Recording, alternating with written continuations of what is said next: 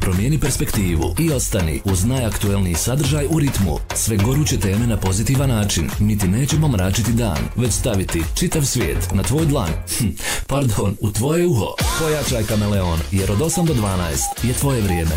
Dame i gospodo, sa vama je Amra Avdić. Dobro vam dan, vi gledate i slušate Radio Kameleon i naš Internaut Show.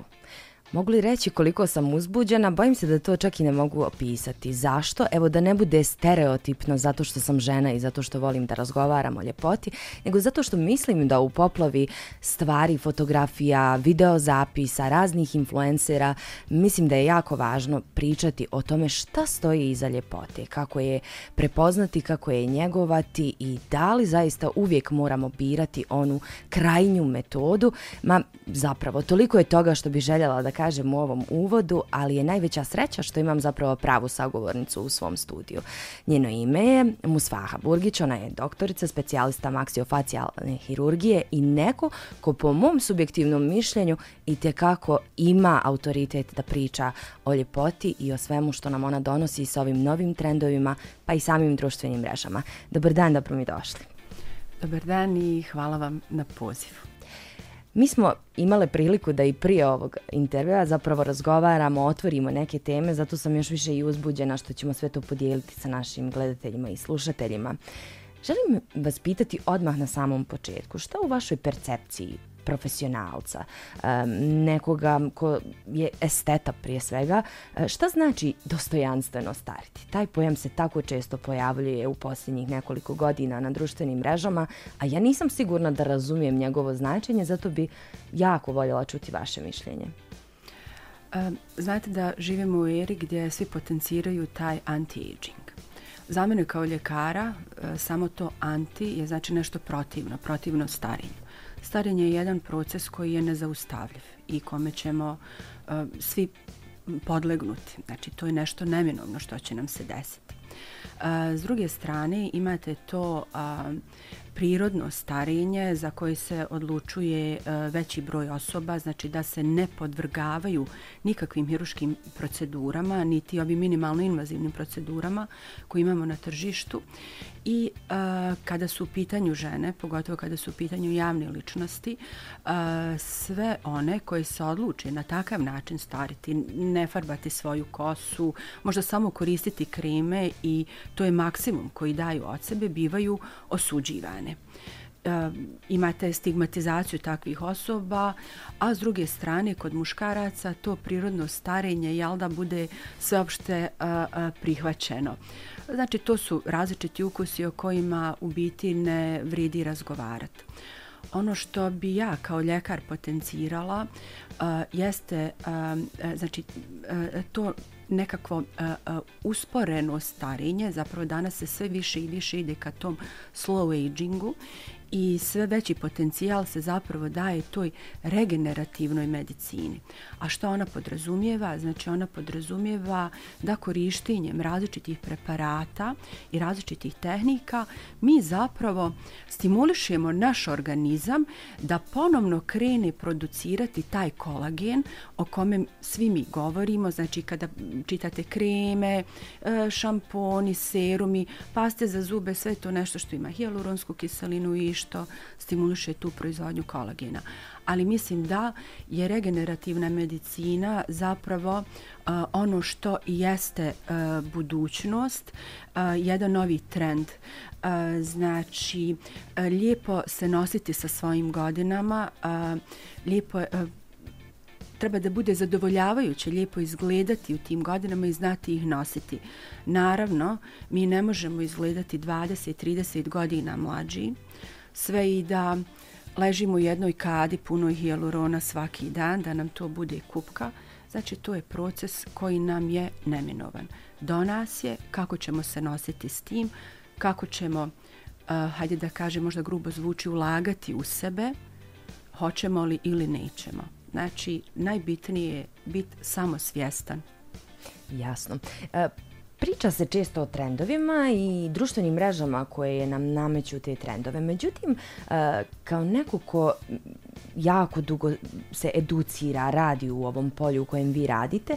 Postoje li zapravo nekakvi trendovi, odnosno prioriteti određenim generacijama kada je riječ o ljepoti?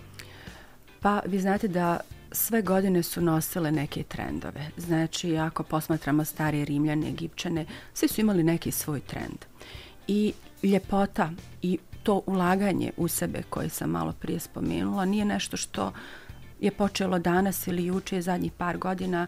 To je nešto što uh, postoji desetljećima i stoljećima i mislim da razgovor o samoj ljepoti i um, rad na sebi je nešto što će trajati koliko traje i ljudski vijek. Uh, U estetskoj medicini mi smo tako podijelili uh, uh, um, uh, ljudsku populaciju na uh, neke grupacije u razmaku od nekih recimo po 15 godina i ono što je recimo interesantno da milenijalci, znači to su neke generacije od 1980. do 94. ili uh, ove Z generacije koje su od 95. pa do 2010. danas imaju zapravo najveći uticaj na ove estetske procedure. Šta će nam donijeti alfa generacije, znači to su generacije od 2010. na ovamo, to ćemo da vidimo. E sad, trendovi se znači mijenjaju.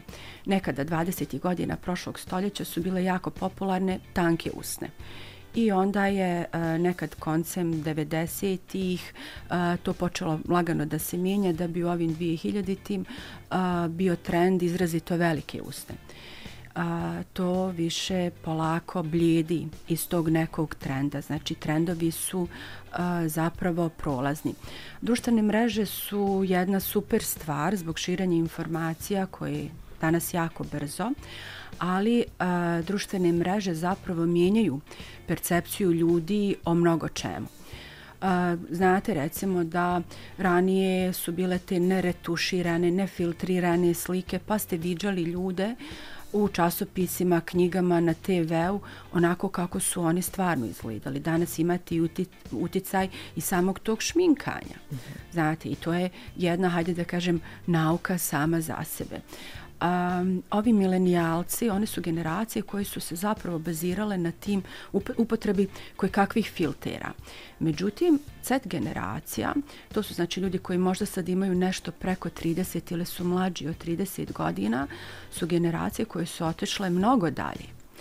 U jednom istraživanju uh, koga je sprovelo uh, američka udruženja, odnosno američka akademija za plastičnu i rekonstruktivnu hirurgiju, gdje su radili uh, istraživanja na uh, velikom broju o, mlađih osoba od 30 godina uh, i na osnovu tih upitnika čak 75 procenata osoba mlađih, znači od 30 godina, moram ponovno naglasiti, uh, su osobe e, koje su željele ili su već nešto uradile na svom licu. Znači, prvo pričamo o licu, za uljepšavanje tiče se i tijela, ali lice je ono na što se prvo fokusiramo u komunikaciji. Naime, ono što je kod njih postao trend jeste da filteri više nisu bili zadovoljavajući i oni su željeli nešto više. Od minimalno invazivnih procedura u najvećem procentu su bile upotreba botoksa, upotreba filera, uh, mikronidlinga i različitih hemijskih pilinga iz razloga što su htjeli da imaju mnogo ljepše lice i uh, uh, ovaj trend je zapravo nazvan TikTok trend. A od hiruških intervencija, pošto su e, isto riječi o generacijama koje e, radi i na svom fizičkom izgledu, e, recimo prvenstveno su bile povećane potražnja za operacijom i korekcijom nosa, nakon toga za blefaroplastikom, znači to je operacija gornjih ili donjih kapaka, u nekim ranim godinama to su operacije koje su radile osobe uh, 50 plus godina, možda i 40 ako imaju zahtjeve. E, nakon toga, po incidenciji, je, e, e, bile su hiruški zahvati poznati kao buccal fat removal, odnosno otklanjanje masnih jastučića iz područja obraza, znači htjeli težnja da se ima jedno usko lice, jer okruglo lice više nije u modi. U tim hiruškim intervencijama a, također isto vidite na društvenim mrežama da a, postoje operacije koje se nazivaju lip lift, znači to je a, a, hiruškim putem se otklanja jedan višak kože tik ispod nosa i na taj način se povećava volumen a, usne, gornje usne, zapravo na taj način jel evertira se rumeni dio usne, odnosno vlažni dio se pomiče prema gore. Znači, oni su u mnogo čemu i te kako pomjerili svoje granice, uh, opravdavajući to tim da zapravo ako na vrijeme startaju, da će uh, mnogo invazivnije estetske operacije ili estetske korektivne zahvate odgoditi za neke kasnije godine. Doktorica Burgić, sjajan ste mi šlagvort dali. Razmišljam i postavljam se u kožu recimo neku koju u ranim 20. godinama i da vidjela sam ja sam taj TikTok filter i kako lice izgleda. Možemo li, uh, možete li mi vi reći da li je to mit ili je zaista moguće doći do takvog nečeg? Uh, jer nekako razmišljam kao mlada osoba da li zaista mogu sebe ubijediti da možemo doći do toga? Da li je to realno? Mislim da takve očekivanja nisu realna. Iz razloga što uh, makoliko radili estetski zahvata na sebi, estetskih operacija, a, uvijek će postojati to neko nezadovoljstvo. I a, kod takvih osoba koji se stalno podliježu tim za, a, a, a, imaju te zahtjeve i ako im se ti zahtjevi ostvaruju kroz minimalno invazivne ili invazivne procedure, ja mislim da a, takve osobe gube kompas i to je u medicini poznato kao a, dismorfizam. A, u biti, znači na svim društvenim mrežama vidite da su to jedna izvajana tijela koja su perfektno simetrična, da su to jedna porculanska lica na kojima nema niti packe. A, tako nešto a, ne mogu reći ne postoji, možda ima neko koji ima lijepi puten ten, ali priroda nas nije dala 100% simetričnim i znači 100% simetrija a, ne postoji i u toj nekoj blažoj asimetriji i leži ta ljepota. Jer i u estetici mi stalno govorimo da je ljepota u oku posmatrača i to je nešto što je uh, uh subjektivno. Kad govorite o predmetima uopšteno o umjetnosti, uh, tamo št, uh, uh za umjetnost je lijepo ono što je oku prijemčivo i ono što je estetski, a kad zapravo formirate svoju definiciju ljepote prema uh, živom čovjeku, tu se već upliče da li vam je neko simpatičan, njegova karma ili nešto drugo. I znači, to su zapravo modaliteti na koje mi formiramo uh, svoj stav o tome da li nam je neko lijep, simpatičan, više ili manje. Sigurno. Uh, želim samo dodati, spomenuli ste možda neko ima sjajan putem ten, ja bih rekla vi definitivno ne mogu prestati da gledam u ovim trenucima, a, ali ostanimo još malo u temi recimo upravo tih nekih ranih 20. godina.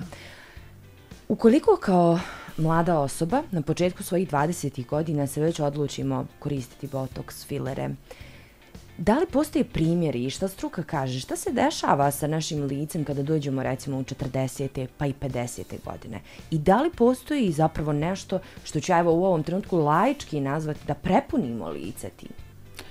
Postoji kako mogućnost. Znate, eh, naš kolagen se počinje trošiti od naše 25. godine i to ide lagano, neprimjetno, da bi onda u nekim 40-im e, to bilo recimo izraženije. Pogotovo u žena, kod žena u menopauzi, gdje sa hormonalnim disbalansom promjene na licu i na tijelu postoje zapravo sve uh, očiglednije. Ne kažem da sam protivnik da se nešto krene raditi u tim 20. ali treba voditi računa da se to bazira na regeneraciju znači na tu stimulaciju produkcije kolagena, na tu biorevitalizaciju. I ja sama, znači uzet sebe kao primjer, u tim nekim 20. ono što je u to doba bilo na raspolaganju, a, ja sam odlazila na tretmane. Bilo da su to bile neke voćne kiseline ili neke aromatske maske, to je bilo dostupno i da ja jesam išla sa godinama sve se naše potrebe uh, mijenjaju. Uh, ja sam osoba koja se bavi tom vrstom uh, estetske medicine, ali uh, nisam pobornik pretjeranog korištenja botoksa, pretjeranog korištenja filera. Ono što ja volim, volim raditi na sebi, ali najviše volim uh, tu biostimulaciju i tu regenerativnu medicinu. Uh, pitanje vaše je sasvim ok. Uh, znači, danas sve vidite, botoksi, fileri, botoksi, fileri. Fileri su jedna vrsta hialuronske kiseline u gelu i to su zapravo punila. Na taj način mi znači njih ubrizgavajući mijenjamo volumen. U ovom, ajde, pričamo o licu, mijenjamo volumen lica. A, rezultat tih punila je vidljiv odmah. I znate, sa a, te stolice, kada mu ustane pacijent, on je pravo zadovoljan nakon toga jer vidi odmah rezultat. Neuromodulatori su zapravo jedna grupa lijekova, to je sad botoks, sve se naziva ovaj botoks, mada je grupa znači lijekova su neuromodulatori, postoji mogućnost da se iscrpe. Prvo korištenje neuromodulatora je krenulo um, za blefarospazam, znači za osobe koje imaju te kontrakcije uh, okoločnih mišića i onda se zapravo i primijetilo da pozitivno imaju efekat uh, na uh, bore koji su na čelu ili u periokularnoj regiji. Zašto vam to spominjem? E, sticajem okolnosti, pošto radim tu gdje radim, imala sam priliku e, vidjeti e, neurolozi znači koriste jako velike količine neuromodulatora da bi spriječili taj blefarospazam. Ali kod iznimno velikih koncentracija neuromodulatora, znači korištenja velikog broja jedinica neuromodulatora i vrlo čestog ponavljanja, dešava se da nakon nekog vremenskog perioda koji može biti od nekoliko godina, recimo pacijenti s kojim sam se ja susretala su rasponu od 7 do 15 godina, oni su prestali da reaguju na taj neuromodulator, znači u ljudskom organizmu se razvijaju antitijela. A, nisam protivnik, ali znači te neuromodulatore treba koristiti a, jednim u jednom određenom redoslijedu. Vratila bi se ponovno na filere, znači jesu super stvar, to sam zaboravila da kažem, ali a, stalnom, stalnim korištenjem zapravo vi povećavate volumen lica. Sad sve više a, vidite djevojke koje e, su malta nejednake jedna drugoj, imaju izrazito velike a, usne, izrazito velike jagodice i svaki put kad se želi uraditi taj tretman osvježenja, potrebne su veće i veće količine tog punila. Filer je znači dobra stvar, ali treba znat kad stati s njim.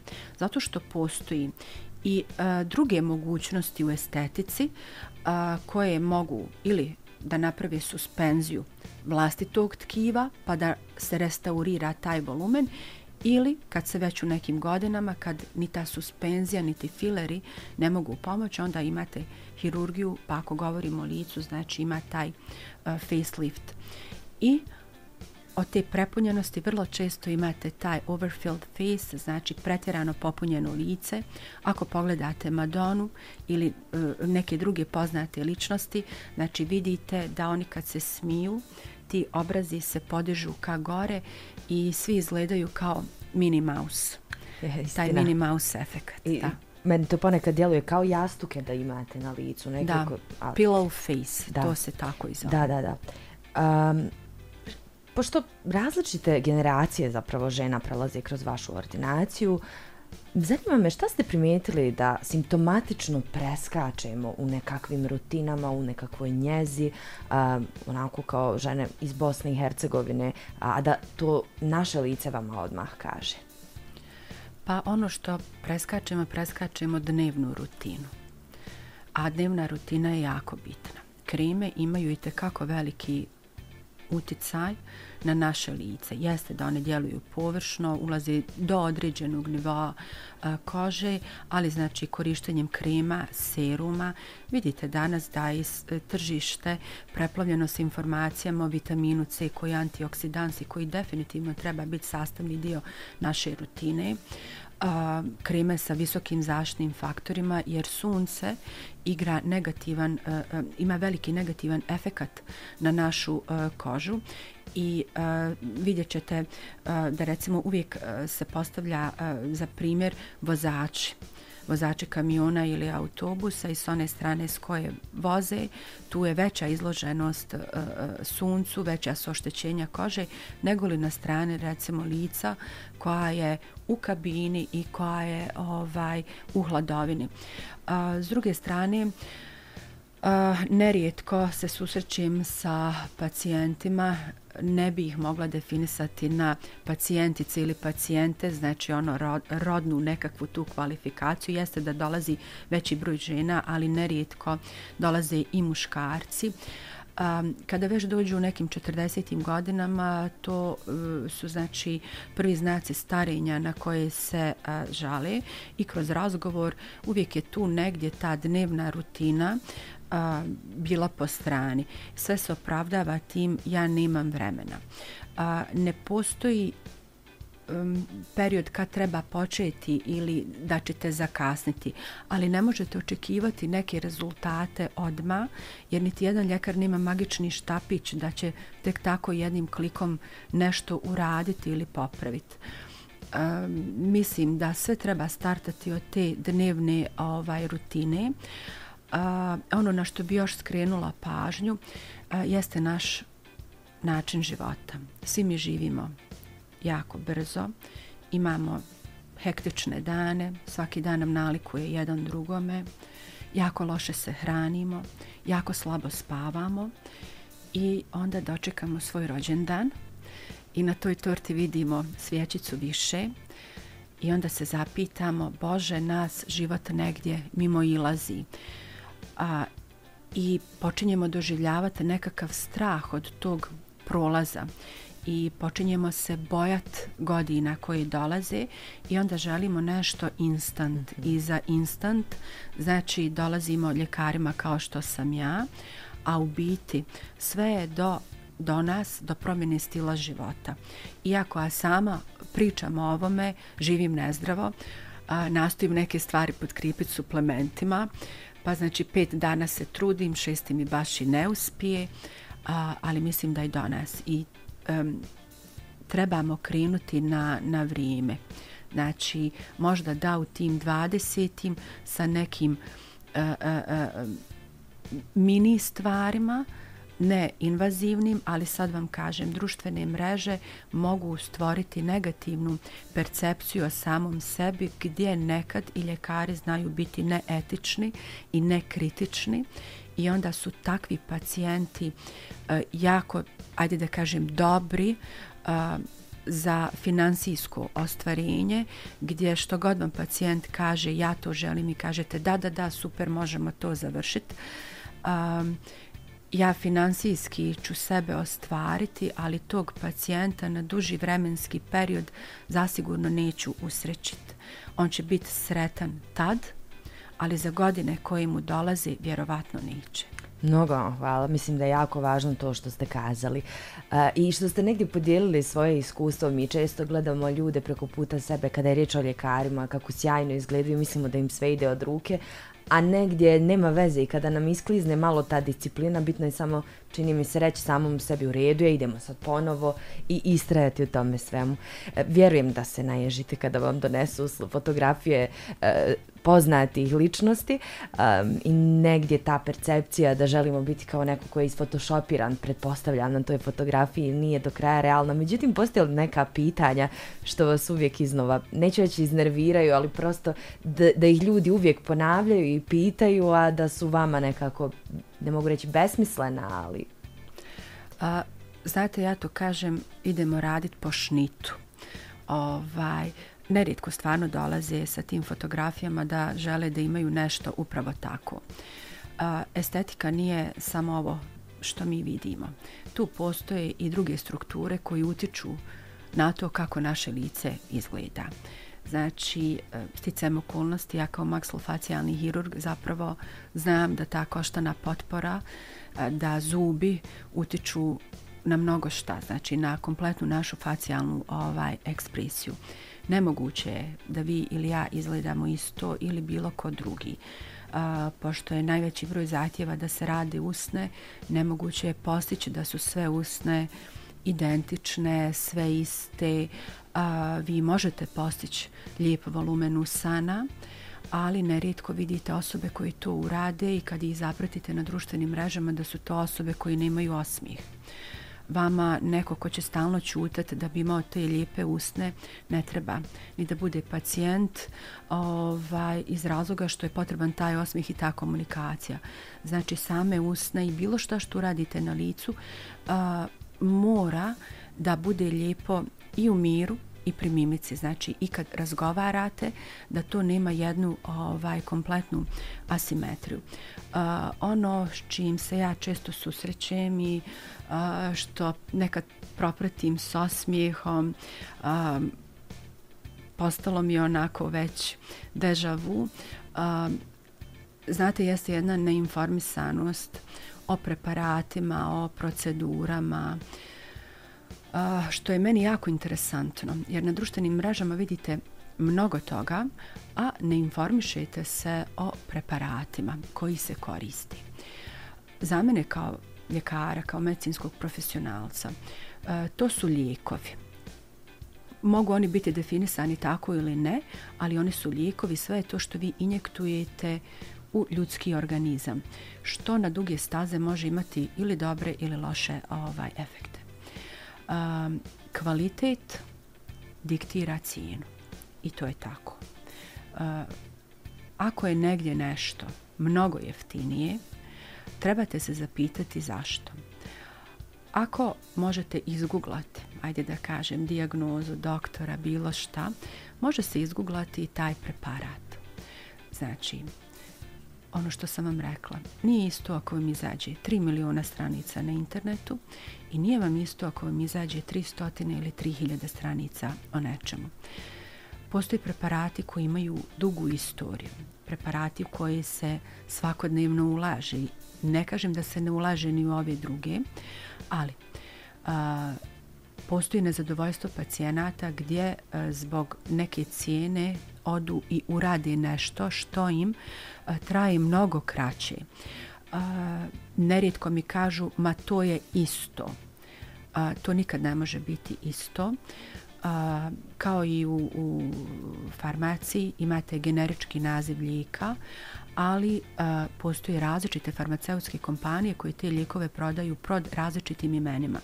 Svaka farmaceutska kompanija ima svoju malu tajnu i u tom mlijeku, pa čak i u svakom analgetiku, ima različita koncentracija aktivne substancije.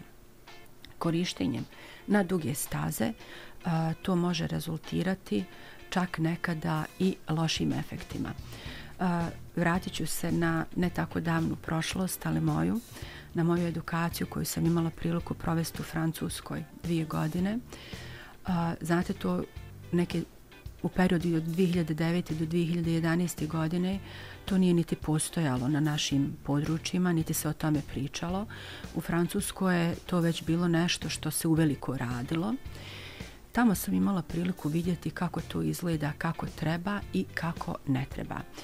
U tom periodu, znači, jeste bio tabu ili uh, je bila samo zabava za ekstremno bogate koji su to sebi mogli priuštiti. Danas je to finansijski mnogo dostupnije, ali uh, znači u tom periodu su uh, korišteni uh, čak i neki sintetski preparati koji čak i nakon nekoliko godina korištenja su davali neželjene efekte i takvi pacijenti su uh, morali biti podvrnuti a, težim hiruškim a, intervencijama da bi se ti materijali zapravo odstranili iz organizma.